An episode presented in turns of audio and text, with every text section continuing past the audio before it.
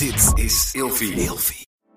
De overgang. 85% van de vrouwen tussen 45 en 60 jaar ervaart overgangsklachten.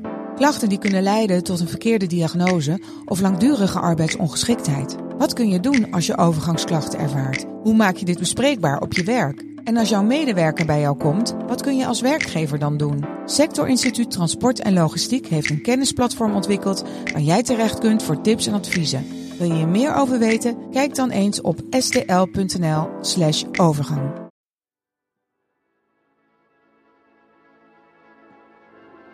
Inclusief ouderschap. Ja, onthoud het maar goed. Een nieuw begrip dat je vaker gaat horen. Adoptie, pleegzorg, draagmoederschap, IVF en nog heel veel andere vormen. Kortom, het is veelzijdig en diepgaand. Mijn naam is Diego González Clark en ik ben alleenstaande adoptievader van een prachtige zoon. En ik onderzoek de weg naar inclusief ouderschap. En daar ben ik weer met een hele nieuwe aflevering van Inclusief Ouderschap, de podcast. Vandaag Marieke Spijker. Zij is medewerker werving pleegouders en kindgericht werven bij De Rading.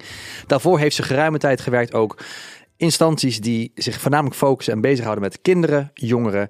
En ook is Marieke bewust alleenstaande moeder via een Deense zaaddonor.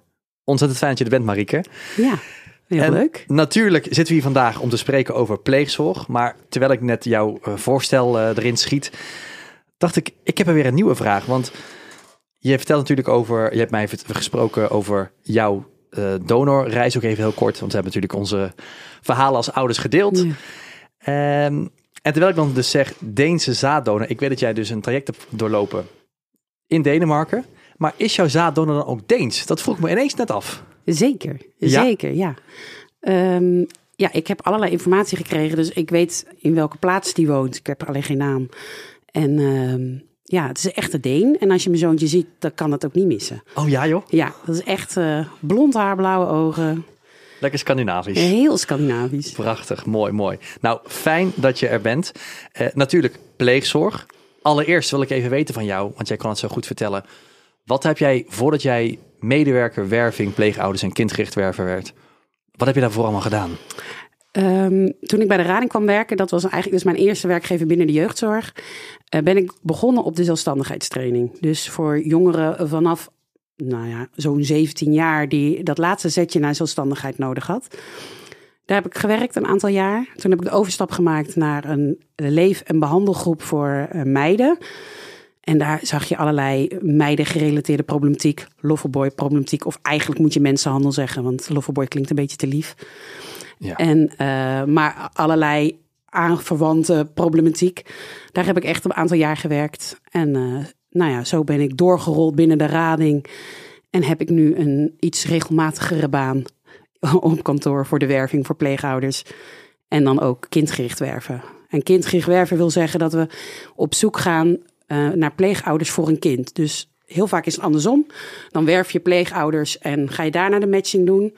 Bij mij komt er dan een kind binnen. En eh, dan gaan we echt kijken in zijn omgeving. Goh, kunnen we daar een pleegouder werven? Dus via scholen, via voetbalclubs, via kerken. Dus zo. Een heel Dus- ander pad is dat. Ja, want je zegt natuurlijk al een paar keer het woord werver. Ik, ik zei het ook in de introductie. Werven in mijn hoofd is eerder een soort van gerelateerd aan een vereniging, aan een politieke partij. We werven nieuwe leden. En dat is natuurlijk niet hoe jij erin staat. Nee. Maar dat is natuurlijk wel hoe ik het heel simpel en suf benader van... oké, jij werft wat, wat mensen, maar je zegt het al, het is in het belang van het kind, dat centraal. En het is natuurlijk ook veel gedetailleerder. Jullie protocol gaat heel anders. Dus ik wil eigenlijk heel graag vragen, kun je mij even meenemen in jouw werk als werver? Ja. Waar begin jij? Ja, waar begin ik? Dat is soms een hele goede vraag. Waar Oh ja? beginnen we? Ja, dat is allemaal Dat weet je niet zo zelf ook makkelijk. niet altijd even, even snel? Eh, nee, nee, want het is iedere keer weer op zoek naar nieuwe ingangen om pleegzorg ehm, aan de man te brengen of bekendheid te geven. Als ik wel eens op een verjaardag zit en ik zeg ik werk in pleegzorg, oh, met oude mensen. Hè? Eh, nee. Ja, er zijn heel veel mensen die gewoon nog niet weten wat pleegzorg inhoudt. Dat wauw. dat met kinderen is en dat, Ja. dat, dat je op zoek bent naar ehm, een gezinsvervangende plek. En dat wil je dan zo gewoon mogelijk. En dat noemen we pleegouders. Dat, die naam hebben we het ooit gegeven, maar dat weten heel veel mensen nog niet. Dus een gedeelte van mijn werk als werver voor pleegouders bestaat uit ook bekendheid geven aan, het, aan de vorm pleegzorg. En om die vijver zo groot mogelijk te maken. Dat veel meer mensen weten wat pleegzorg inhoudt. En er eens over na kunnen gaan denken of dat bij ze past. Precies. Dus eigenlijk zijn jouw eerste stappen nog zelfs nog gaan informeren. Van jongens, Ja. dit bestaat en dit houdt het in. Ja, informeren, inspireren, dat vind ik eigenlijk nog wel de meest belangrijke stap. En daarna hoop je gewoon dat ze, dat ze ja, in jouw trechter vallen van informatie en dat ze steeds enthousiaster worden. En dat ze zich uiteindelijk aanmelden als pleegouder. Maar ja, voordat je aanmeldt, moet je ze eerst zien te bereiken. En ehm, ja, dat proberen we steeds op andere plekken te doen. Dus deze podcast is super nieuw. Dus dat is weer heel leuk om dat eh, op deze manier te doen. Nou, mooi zo, want je zei het al, informeren en inspireren. En dat is ook precies waar deze podcast voor staat. Inspireren, informeren. Ehm, dus ik hoop ook dat het begrip pleegzorg meer vorm gaat krijgen. En je zei het ook al zelf, dat mensen soms niet eens weten waar het voor staat. Die naam is eraan gegeven. Maar wat vind jij zelf dan van de benaming pleegzorg? Dekt dat de lading? Oeh, dat is een goede vraag. Ik ben er zo mee opgegroeid dat je daar al eigenlijk niet meer over nadenkt. Je, je weet niet beter. Nee, precies. Ehm, nou, misschien wel niet. Misschien klinkt het ook wel een beetje alsof je een eh, ziek kind krijgt. Verpleging, pleegzorg. Ja. Ehm, En dus ook niet heel gek gedacht, dus dat mensen misschien denken: oh, je werkt met Nee. oude mensen die verpleging nodig hebben. Nee, dat is helemaal niet gek gedacht. En ehm, wat het eigenlijk veel meer inhoudt, zo leg ik het vaak aan, aan ouders uit. Je wordt eigenlijk een beetje een verlengde arm van een zorgteam. Er zitten altijd voogden nog bij en eigen ouders. Ehm, kinderen komen in de pleegzorg als het thuis niet meer gaat, tijdelijk of, eh, of voor een gedeelte, dat het volledige zorgouders niet meer helemaal lukt. Dan ben je als pleegouder ben je een, een, een onderdeel van die hele Systeem is het. zorgsysteem. Daar ben je onderdeel van.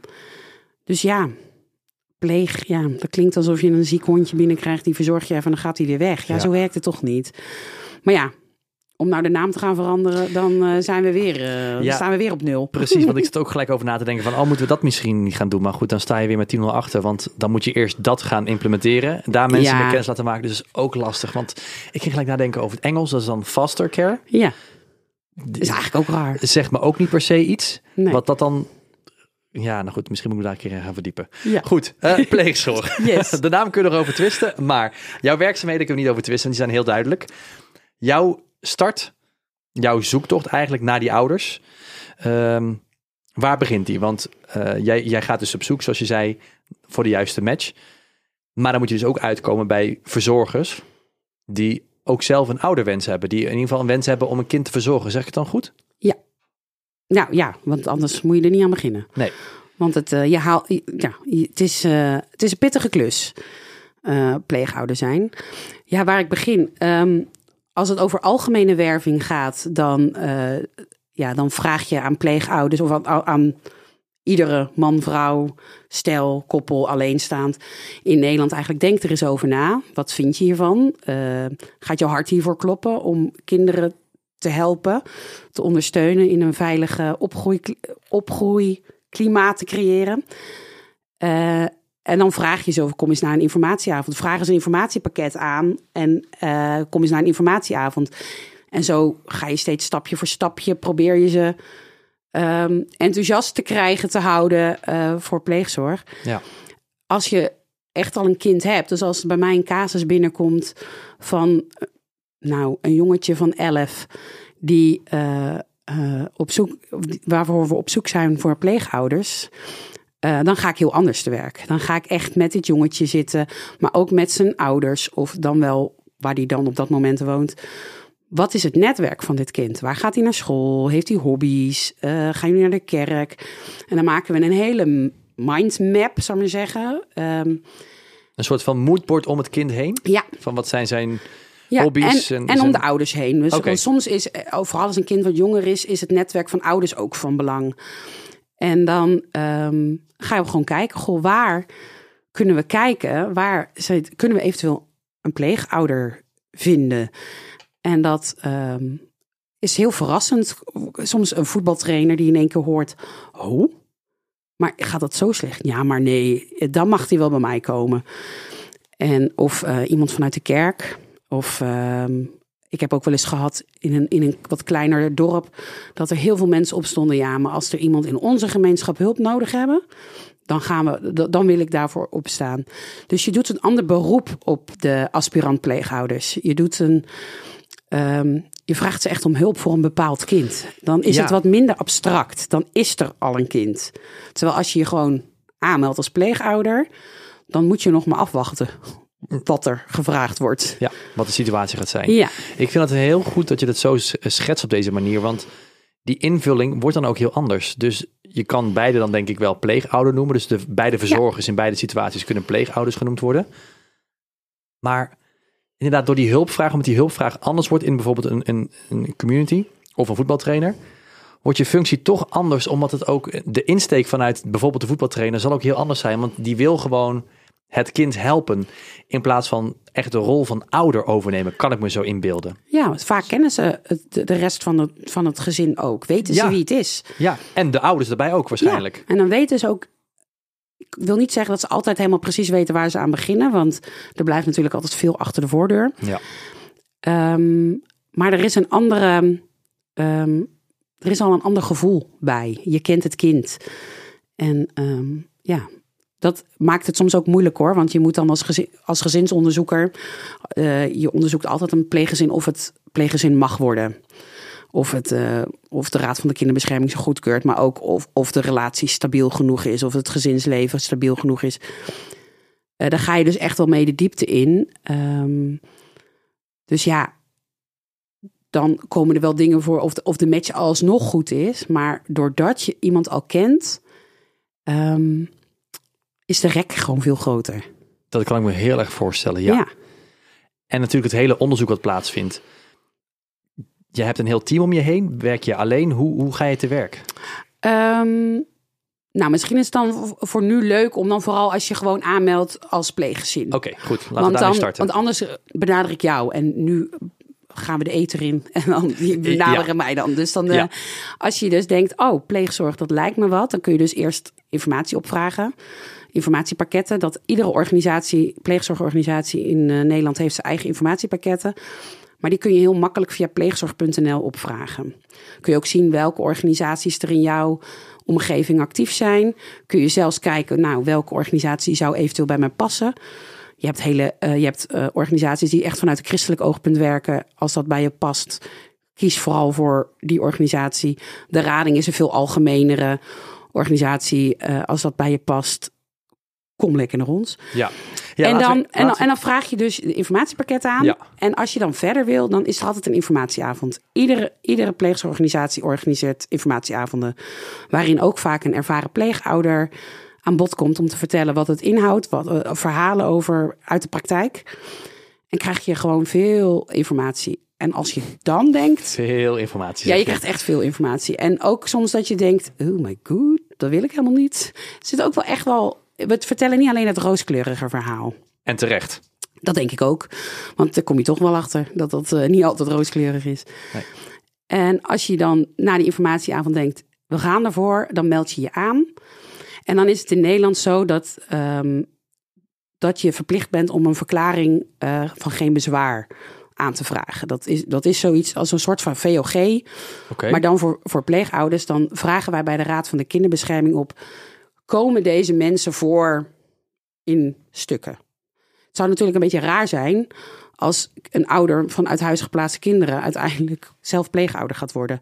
Als dat niet wenselijk is. Als daar in het verleden heel veel dingen zijn gebeurd. Dus daar moet een check op zijn. ja. Ehm, wij hebben als organisatie daar nul weet van. Wij dienen het gewoon een naam in en we krijgen goedgekeurd of niet goedgekeurd terug. Dat horen wij altijd pas nadat een ouder dat zelf al ook heeft gehoord. En dat onderzoek is dan letterlijk digitaal. Dus ze gaan gewoon zoeken Ja. in de bestanden. Of gaan ze ook echt langs bij deze personen? Nou, dat, dat, dat, dat verschilt. Als er niks uitkomt, dan is het gewoon digitaal. Net zoals bij een VOG. Dan krijg Ja. je gewoon een uitdraaien goedgekeurd. Veel plezier. Eh, komt er wel wat uit, dan wordt er eh, verder onderzoek gedaan. En dan zullen er wel gesprekken volgen. En dan kan het nog steeds zijn zo van... Oh, als dat het was, joh.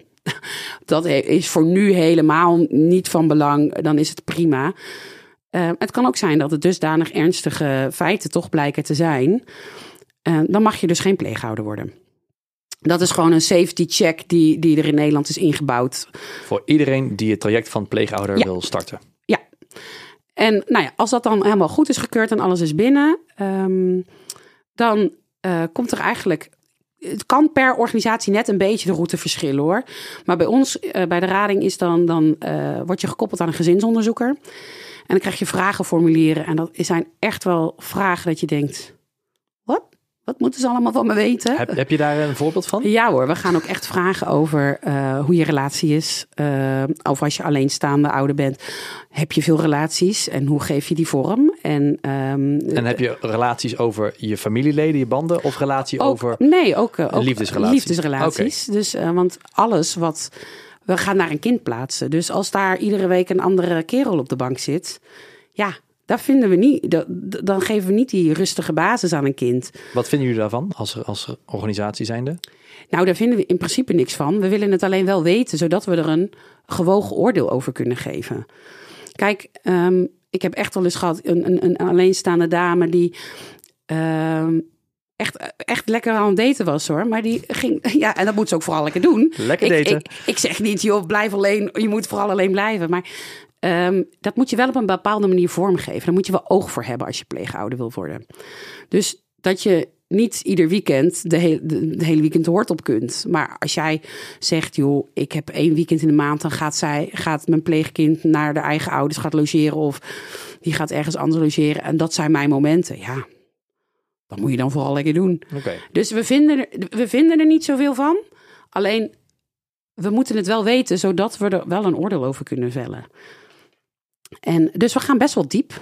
En we gaan ook wel vragen over seksualiteit en over hoe ga je dat, hoe kijk je er tegenaan en hoe zul je daar, hoe, hoe voed je je kind daarmee op? Ehm, Dus eigenlijk moet je al de toekomst in gaan kijken als Ja. pleegouder. Hoe wil jij je, je opvoeding in gaan richten?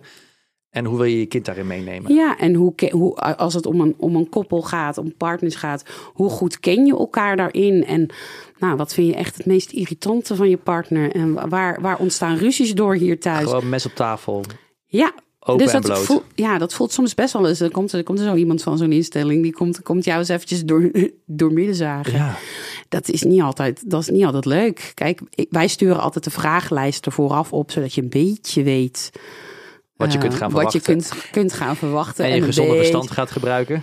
Ja, en, eh, en het is aan ons om dat toch eh, eh, een beetje door te prikken. En de ene keer zal dat heel makkelijk gaan. En de andere keer zullen we, als wij toch denken, er zit hier iets. Ja, dan gaan we toch gaan we echt wel een beetje doorprikken. Dus jullie zijn eigenlijk ook eh, halve psychologen.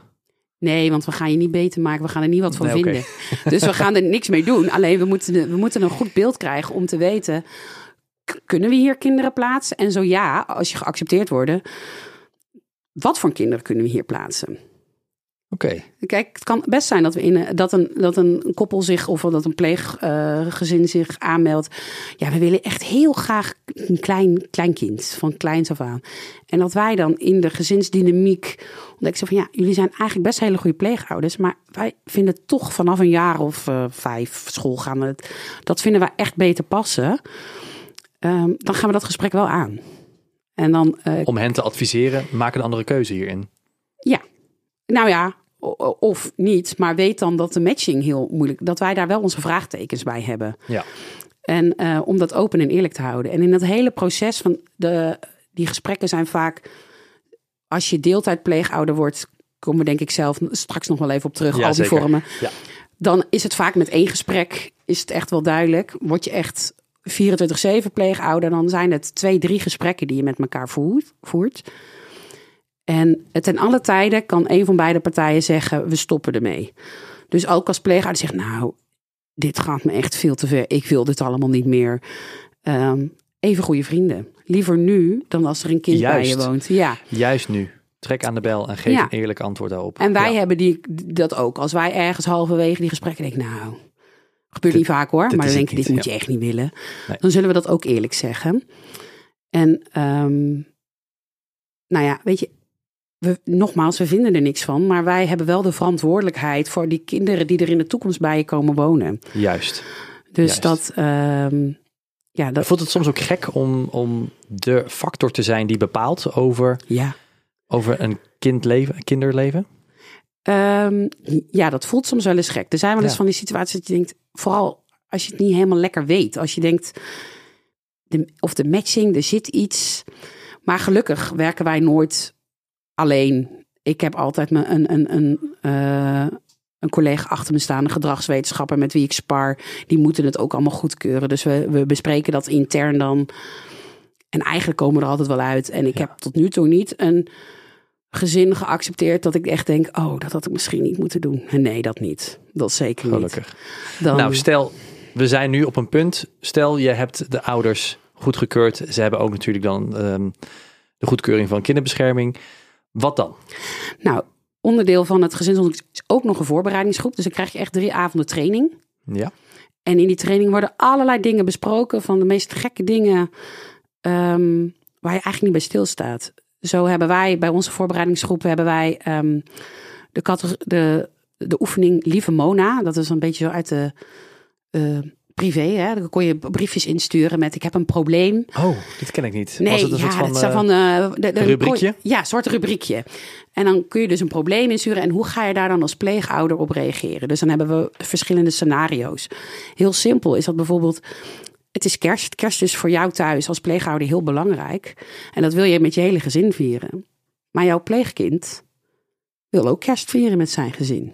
Hoe ga je dat doen? dilemma. Ja, dus da, en, dan, en daar is ook weer geen goed of fout antwoord. Het is meer, die voorbereidingsgroep is ervoor om in het proces in gang, gang te zeggen dat je gaat nadenken over wat komt er allemaal bij kijken. Het is allemaal niet zo van, ach, er komt een kind bij ons. We zetten er een extra bordje op tafel en dan komt het allemaal goed. Het is meer dan dat. Het is echt meer dan dat. En ehm dat zijn gewoon allerlei oefeningen om je te prikkelen. En als je daar dan nog steeds denkt, wij kunnen dit, dan ben je, kom je veel beter beslagen ten ijs als er daadwerkelijk een kind bij je komt wonen. Dus eigenlijk, als ik het goed begrijp, is die cursus ook om ofwel mensen toch even af te schrikken van, oh maar wacht, dit, dit komt er ook bij, meer realisatie. Ofwel klaarstomen voor dat soort gevallen waar je niet 1, 2, 3 aan denkt. Nou ja, het is eigenlijk, het is eigenlijk met doel voor dat laatste. Dat je daar af en toe mensen toch mee afschrikt. Ja, dat, dat gebeurt. Gebeurt niet vaak.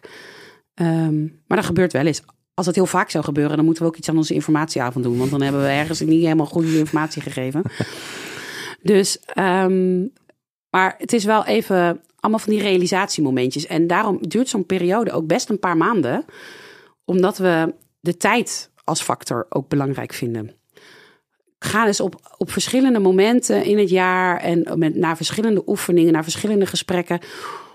Blijft dat vuurtje wakkeren? Of ga je twijfelen? Of eh, heb je getwijfeld, maar ben je daarna kom je er alleen maar zekerder uit? Juist omdat je even een twijfelperiode hebt gehad. Dat vinden we eigenlijk een heel belangrijk proces. Dus we kunnen dat gezinsonderzoek en die voorbereiding kunnen we allemaal in, in, in drie weken proppen. Dat, Dat, kan. is, dat is niet zo lastig. Nee, dat, is, dat, dat zullen we allemaal kunnen doen. Maar dat doen we bewust niet. Dus soms denken ouders, zo lang, duurt het zo lang om pleegouder te worden. Ja, maar bedenk dan dat je, nou ja, je hebt gewoon echt even die bedenktijd nodig. En over hoe lang praten we nu dan? Van zeg maar begin, eerste inschrijving of gesprek tot en met dus die cursus bijvoorbeeld. Hoe lang zijn we dan Ja, ongeveer dat is heel wisselend. Want we moeten even kijken wanneer die cursus plaatsvindt. Want dat doe je met andere ouders tegelijk. Oh, Oké, Maar dat is meestal tussen de drie en de zes maanden. oké. Moet je hier wel echt rekening mee houden. Dus het is niet zo, ik bel nu en ik heb volgende week eh, ben ik Ben je Zo werkt het niet. Als je dan eenmaal die cursus, eh, die drie dagen hebt afgerond, krijg je dan weer een soort van bevestiging van, ook, ook weer een, een, een vinkje achter je naam. Nou, dan ben je officieel geaccepteerd als pleeggezin bij onze organisatie dan. En dan eh, ga je, word je vanuit een gezinsonderzoek overgedragen aan de bemiddelaars, heet dat bij ons dan. Maar die krijgen dus alle vragen binnen. Dus die krijgen de vragen voor pleegkinderen binnen. En die weten wat voor pleegouders we in onze kaartenbak hebben. En die gaan matchen, die gaan puzzelen. Zo van, oh, we hebben nu, we, deze vraag komt binnen. Welke ouders passen daarbij? Hebben we ouders die daarbij passen? En jij als werver laat ze dan eigenlijk op dat moment los? Jij zegt dan van, nu gaan jullie naar de volgende, naar de bemiddelaar? Ja, dan, eh, dat, dat is wel per eh, organisatie ver- eh, verschillend hoor. Bij ons hebben we dat zo ingekleed dat ik ze dan loslaat. En dan, eh, ehm, dan gaan ze over. En als er dan een kind gematcht wordt en de kind komt bij jou wonen, dan krijg, je, krijg je een pleegzorgbegeleider. Dus dan komt er weer een andere persoon. En als het goed is, blijft die dan langere tijd voor de begeleiding. erbij. Dus het is eventjes wat meer Ja. verschillende personen in het begin. Ja. Maar zodra het kind er woont, willen we zoveel mogelijk continuïteit van de pleegzorgbegeleider. Is natuurlijk geen garantie, want mensen krijgen andere banen, stoppen, worden ziek, worden zwanger. Ja, Ja, begrijpelijk. Oké, dus bij die bemiddelaar wordt daar dus de, de match eigenlijk bedacht, uitgezocht.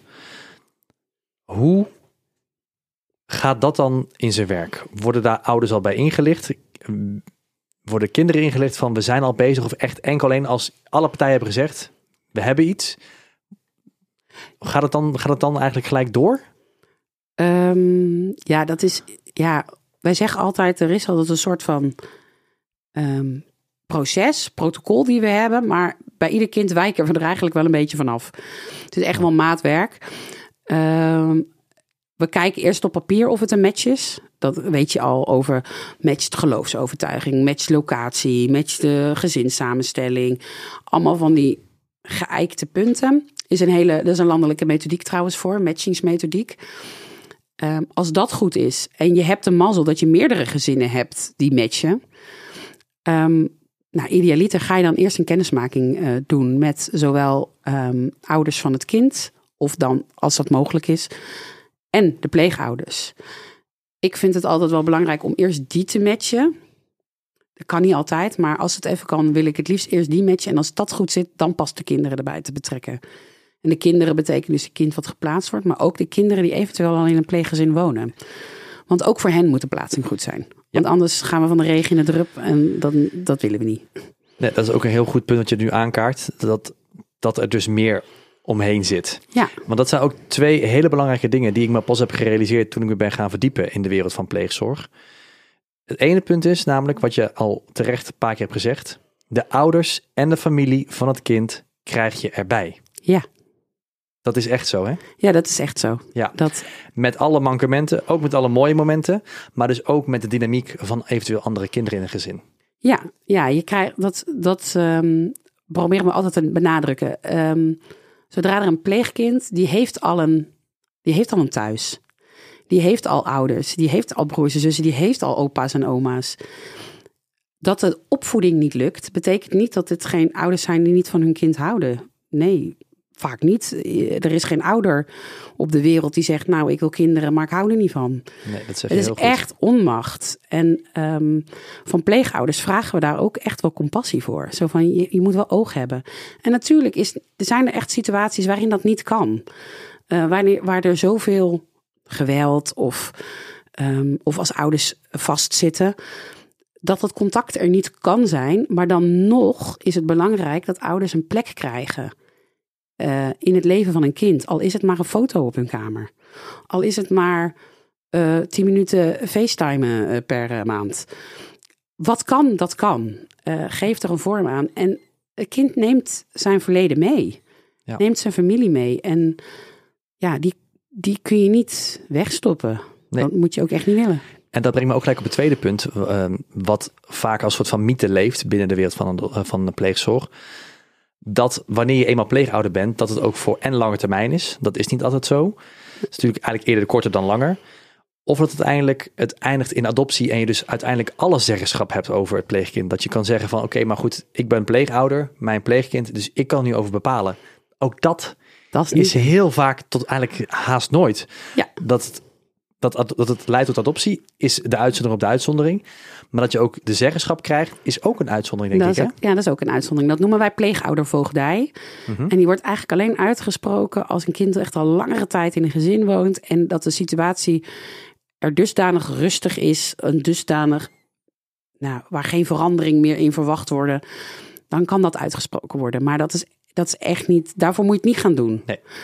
En ehm waarna je begon met dat het soms dat het vaker tijdelijk is. Ehm, dat, dat streven wij ook echt na. Want het is natuurlijk het allermooiste als een kind gewoon bij zijn eigen ouders kan opgroeien. Dus als dat tijdelijk niet kan, dan is het heel mooi dat er tijdelijk een ander gezin kan zijn. Maar dan kijken we wel, hoe kunnen we terugwerken naar huis? Wat is daarvoor nodig? Helaas zijn daar ook, ehm, gebeurt het ook dat het niet meer kan. Dat het, dat het zo kapot is of dat ouders zoveel problemen zelf hebben, dat ze het er gewoon niet bij kunnen hebben, dan moet je op zoek naar een vorm dat een kind niet meer thuis gaat wonen en dus voor langere tijd opgroeit binnen pleegzorg. Maar dan ben je nog steeds ouder. Dan ben je, ben je niet in één keer je ouderschap kwijt. Je voedt je kind niet meer op, maar je blijft ouder. Die verantwoordelijkheid blijft er. Ja, en Ja. die liefde blijft er en die verbondenheid Absoluut. blijft er. Dus dan is het echt van belang dat, dat ook. Wij hebben dan een, een module ouderbegeleiding. Dan gaan we echt met ouders kijken. Hoe kun je ouder zijn op afstand? Hoe doe je dat? Met alle verdriet en rouw. En Dat is een pittige vraag. ja, dat is heel pittig en dat is ook heel lastig. En eh, soms lukt het ouders ook niet en kan dat pas op een later moment. eh zit er heel veel boosheid. Ja, daar kan, daar kan ik me alles bij indenken. Hoeveel heeft een kind hierover te zeggen? Bijvoorbeeld de weg terug naar huis. Vanaf wanneer Ehm. ga je echt aan het kind zelf vragen: hey, hoe zie jij dit voor je? De weg terug naar huis. Of zie je nog wel een weg terug? Ehm, nou, het is, daar zitten ook een aantal juridische rege- regel- regels aan. Ja? Ehm, vanaf een- dat een kind 12 is, eh, mag hij zijn mening geven. Dus ook bij de kinderrechter. Als, als, kijk, wij plaatsen geen kinderen uit huis. Pleegzorg die voert eigenlijk uit wat een kinderrechter oplegt. Of als het een vrijwillige plaatsing is omdat ouders het zelf willen, dan gaat het vanuit de ouders. Ehm, pleegzorg zelf maakt die beslissing niet. Ehm, maar vanaf een jaar of twaalf zal een kinderrechter ook altijd aan het kind vragen: eh, wat vind jij ervan? Hoe, hoe kijk jij hier tegenaan? Dus dan wordt, je, wordt een kind wel gehoord. Vanaf dat ze 16 zijn, hebben ze er veel meer over te zeggen.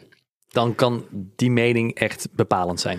Eh, dat kan. eh, los als de veiligheid dusdanig in gedrag is. Want dan zijn ze nog steeds minderjarig. Maar eh, dan hebben ze echt veel meer eh, inspraak. Ik vertelde al dat ik ook met pubers heb gewerkt.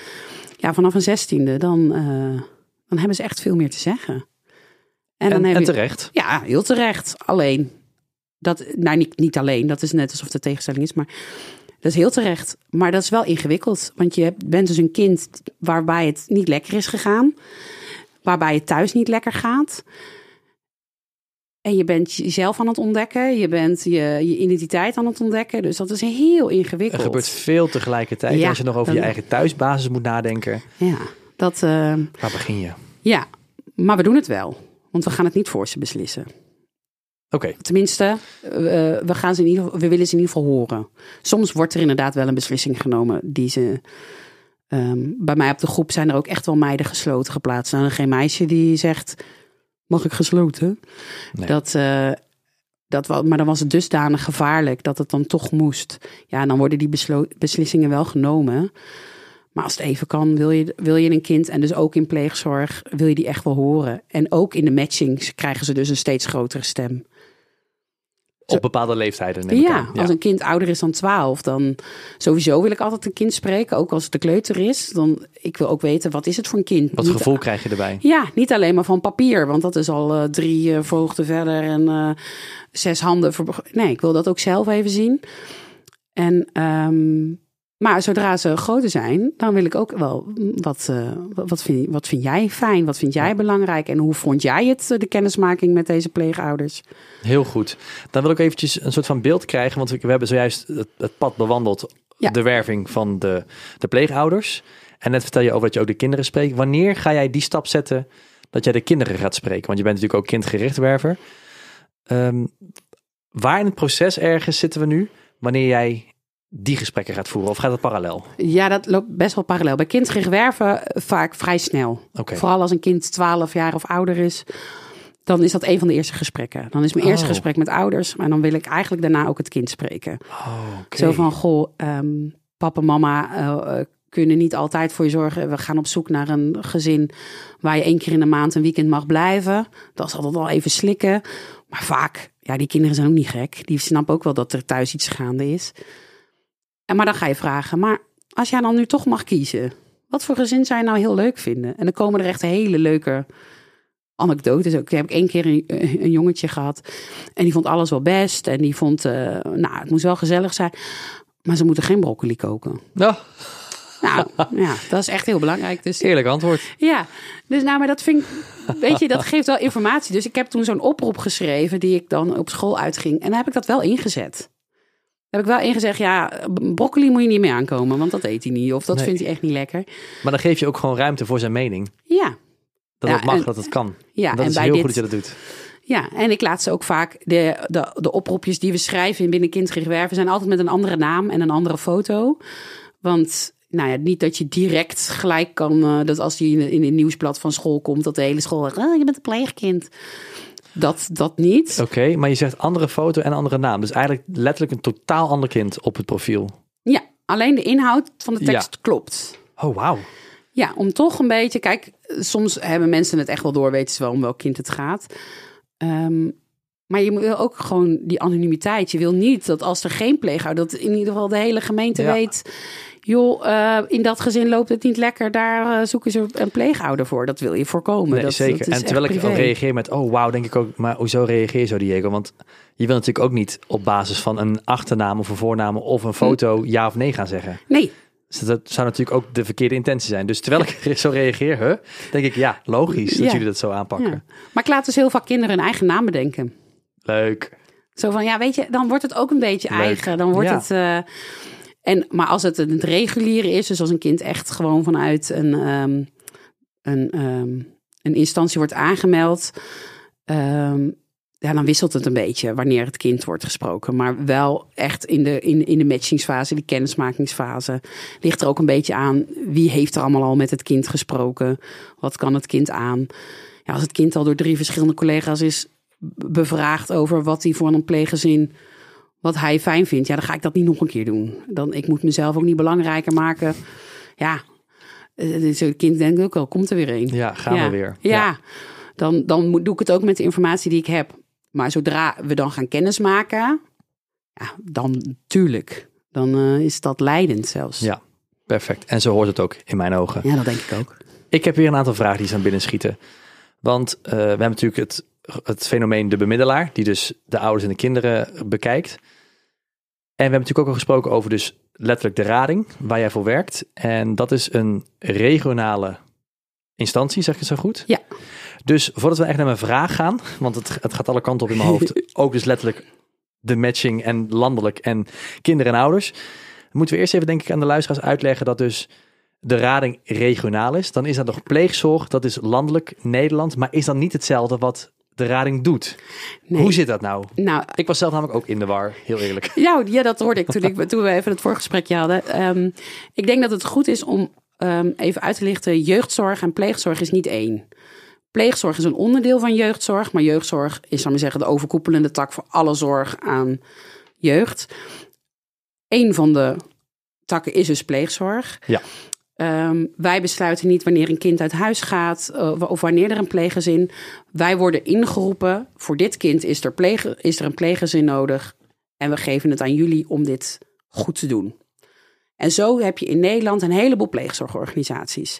Die allemaal regionaal werken. En in iedere regio zijn er nou, minimaal twee of drie organisaties eh, die werken. Dus over hoeveel ongeveer praten we in heel Nederland Oh. dan?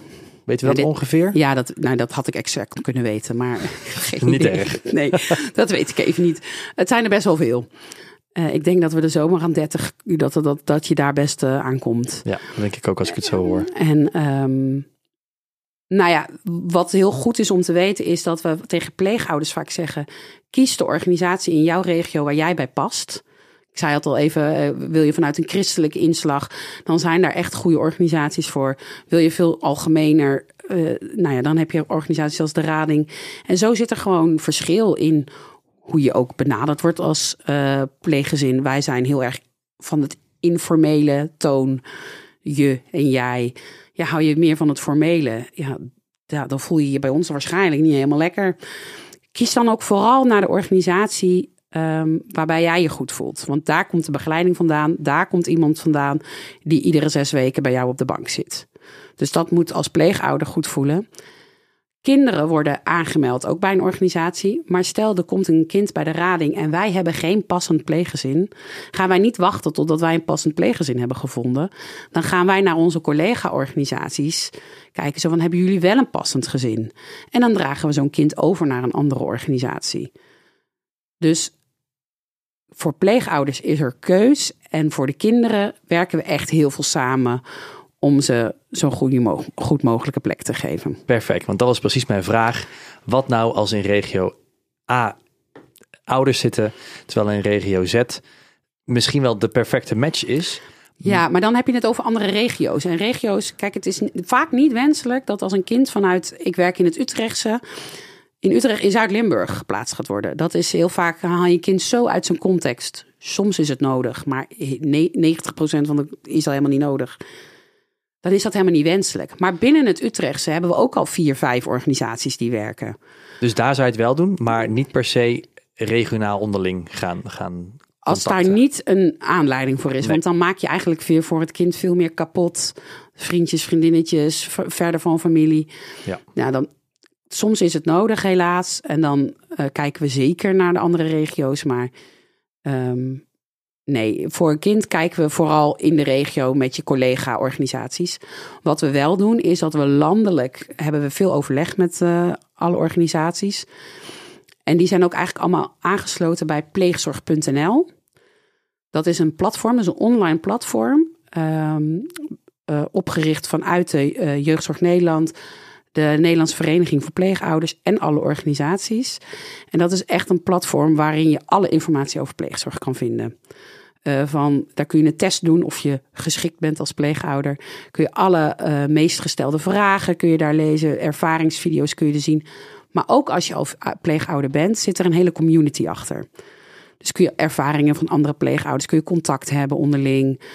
Ehm, dus dat is een beetje het overkoepelende. Maar dat is niet een organisatie die Nee. ook kinderen plaatst. Dat is echt een pl- online platform. Dus zou je dan ook adviseren of aanraden van mensen die pleegouder zouden willen worden, om juist eerst daar te starten of direct naar een or- organisatie te gaan? Nee, ik zou, ik zou echt even op pleegzorg.nl starten. Daar Eh, daar heb je namelijk echt alle informatie heel overzichtelijk bij de hand.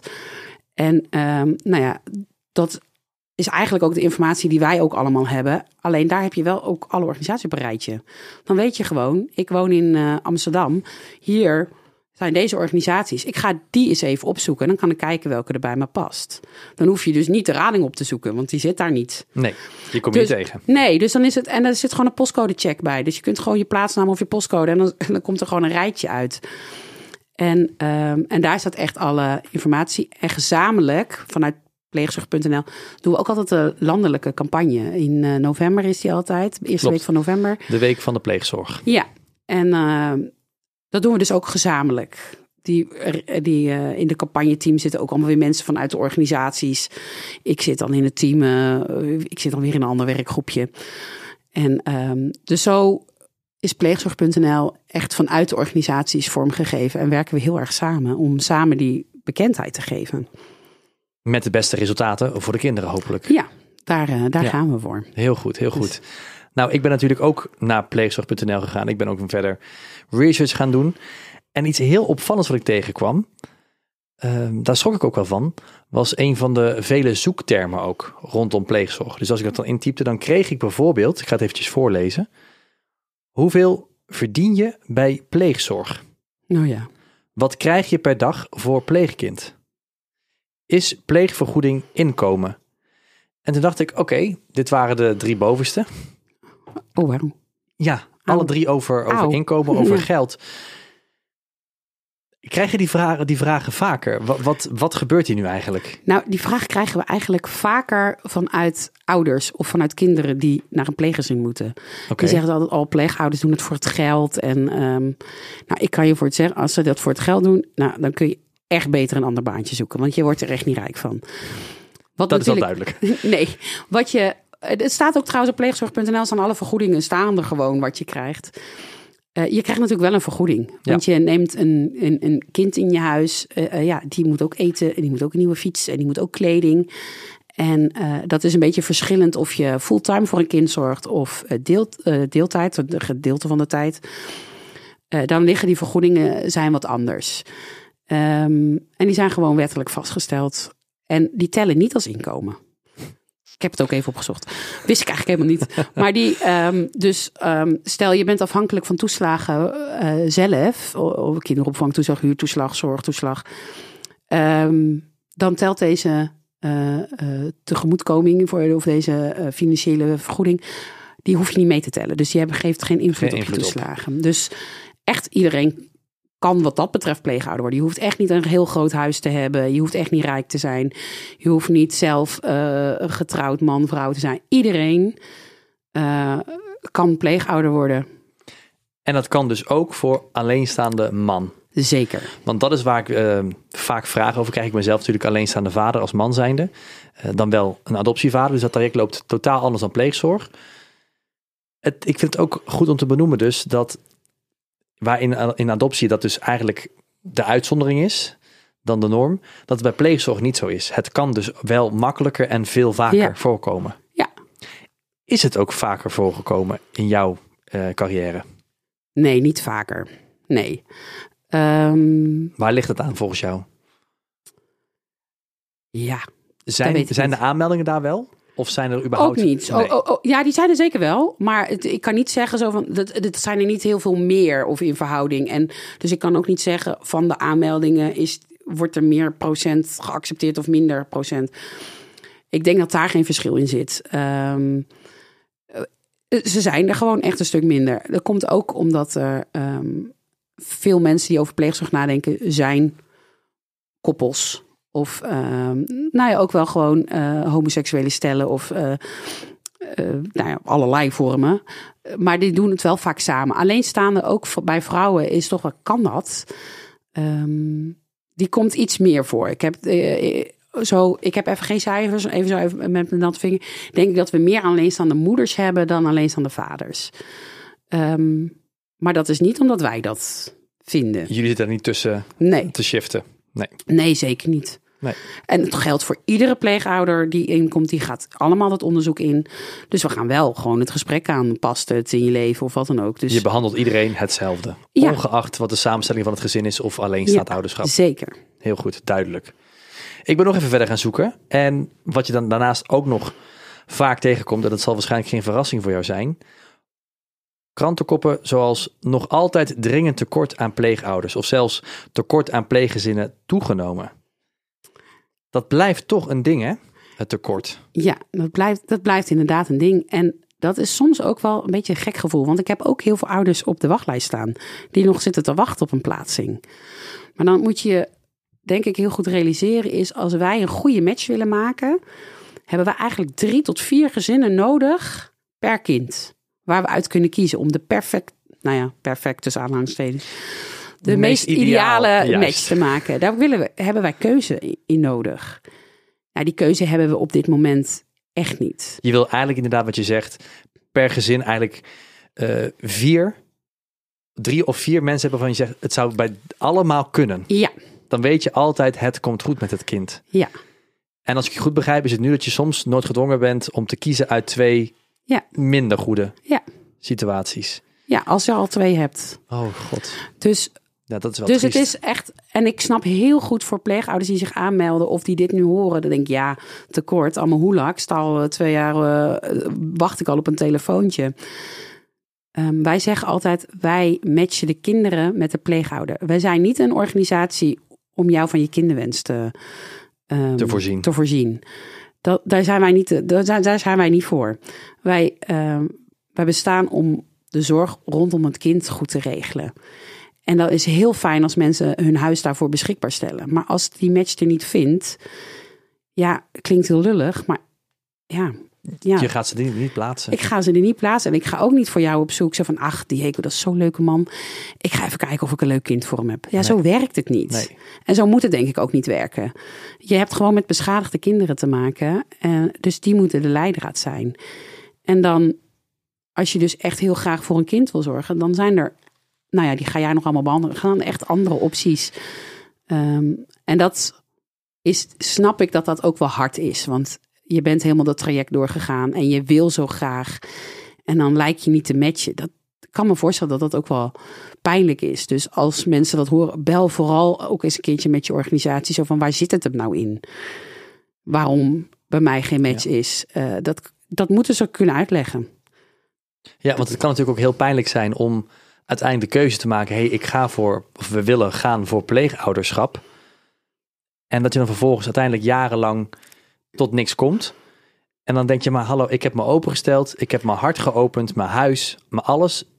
En alsnog gebeurt er niks. Dat Ja. het heel pijnlijk kan zijn, maar dat het niks persoonlijk is van ik gun het je niet. Nee, Maar nogmaals, het gezin moet kloppen.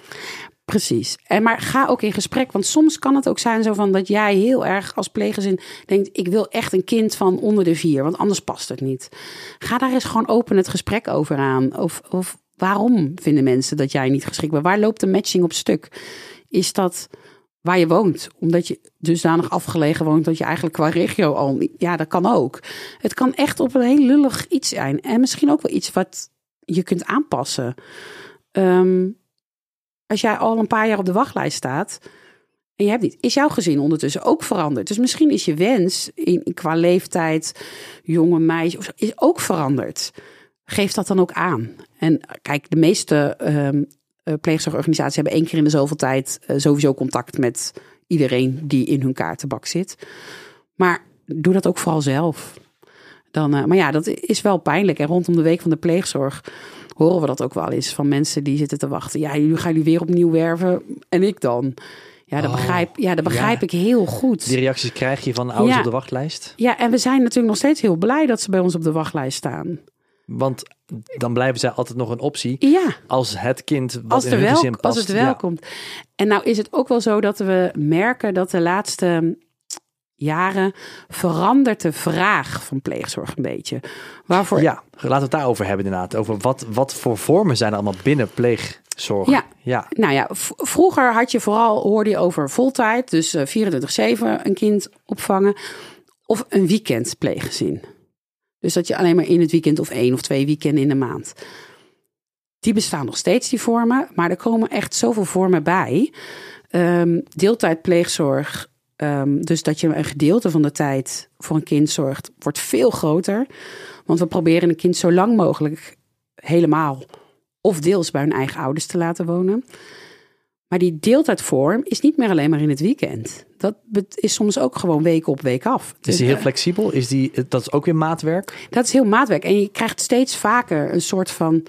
je kunt het bijna vergelijken met co-ouderschap, maar dan tussen ouders en pleegouders. Dus op en af. Wanneer het even minder goed gaat, dat pleeggezin wat vaker inspringt. En als het thuis weer heel goed gaat, dat het pleeggezin weer wat meer naar achter gaat. Dus meer die dynamische eh, vorm van deeltijdpleegzorg, die zoeken we eigenlijk steeds meer. Maar ja, dat is als pleegouder vraagt dat veel meer. Eh, dan moet je je, moet zelf flexibel zijn. ja, Want als ik het goed begrijp, kun je dus ook zelf daar al in aangeven als je een traject start. Ik wil deeltijd pleegouder worden of komt het pas later in het proces? Eh, je kunt het al aangeven. Je kunt ook zeggen, ik wil daar graag over in gesprek. Wat past bij ons? In zo'n gezinsonderzoek kom je daar ook wel over te praten. Wat past nou? En soms hebben we ook wel eens ouders die willen heel graag voltijd. En al pratende zeggen ze, misschien eh, moeten we deeltijd beginnen. Fantastisch, helemaal goed. Ja. Ook goed. En eigenlijk ehm, hebben we op het moment veel meer vraag naar deeltijdpleeggezinnen. Maar dan wel flexibel. Dus niet maar één weekend in de maand. Dus echt eh, vier dagen op. eh, hoeveel hou je dan over? Drie dagen af. En, en, en, en, en alles wat ertussen zit. Eh, die vraag die wordt steeds groter. En daar loopt het aanbod op pleeggezinnen een beetje op achter. Dus we hobbelen er een beetje Achter de Achteraan. feiten, ja. dus de campagne die dit jaar is gelanceerd vanuit Pleegzorg Nederland ehm, is eh, Tweede Thuis. Jouw huis een tweede thuis. Je bent nooit het eerste thuis, ook al ga je voltijd voor een kind zorgen. Zijn eerste niet. thuis is bij zijn ouders. Maar ook een tweede thuis kan ook gewoon één dag in de week zijn. Dat, dat, dat, van vrijdag op zaterdag. Of dat kan ook eh, Een paar keer per week blijven eten, s'avonds? Ja. Dat ook? Ja. Is, het, is het zo flexibel in te richten? Ja, daar, eh, ja. kijk eh, hoe lichter de vorm is, hoe, hoe kritischer we gaan kijken. Moet het echt pleegzorg zijn? Of kan het ook naar buurtgezinnen? Dat zijn ook allemaal informele initiatieven, laagdrempelig, wat ook die zorg biedt. Maar als het echt nodig is vanwege de begeleiding, dan kan dat zeker, ja. Ja, je hebt al vaker gezegd, maar inderdaad, pleegzorg is maatwerk. En dus alles kan. En ehm, nou ja, hoe flexibeler je zelf bent, hoe makkelijker er ook een kind te plaatsen is. Zo is het ook. Als het maar in het belang is van, het, kind. Ja. Juist, heel goed gezegd. Nou, ik, eh, ik ga zo meteen met jou afronden, maar ik heb nog één brandende vraag. Want Je bent natuurlijk zelf moeder, maar zou jij ooit zelf pleegouder willen zijn? Ja, dat denk ik wel. Het ligt er een beetje echt aan. Ik ben nu nog helemaal, mijn zoontje is 2,5. Dus ik zit nog nu echt in die uh, hectische fase. Wat het Mhm. ja, je weet er alles van. Zeker weten. En, en misschien wil ik ook nog wel een tweede kindje. Dat, eh, dat weet ik nog niet of dat eh, maar gegeven is en of dat, hoe, dat gaat. Maar ik zou dat wel. ehm, ik heb dat altijd geroepen. Ik denk, en ik dacht altijd, oh, dan doe ik voltijd. Daar ben ik wel een beetje van teruggekomen, want ik weet hoeveel werk het is. Maar ik zou het bijvoorbeeld echt wel echt heel leuk vinden om eh, deeltijd iets voor een puber te kunnen betekenen.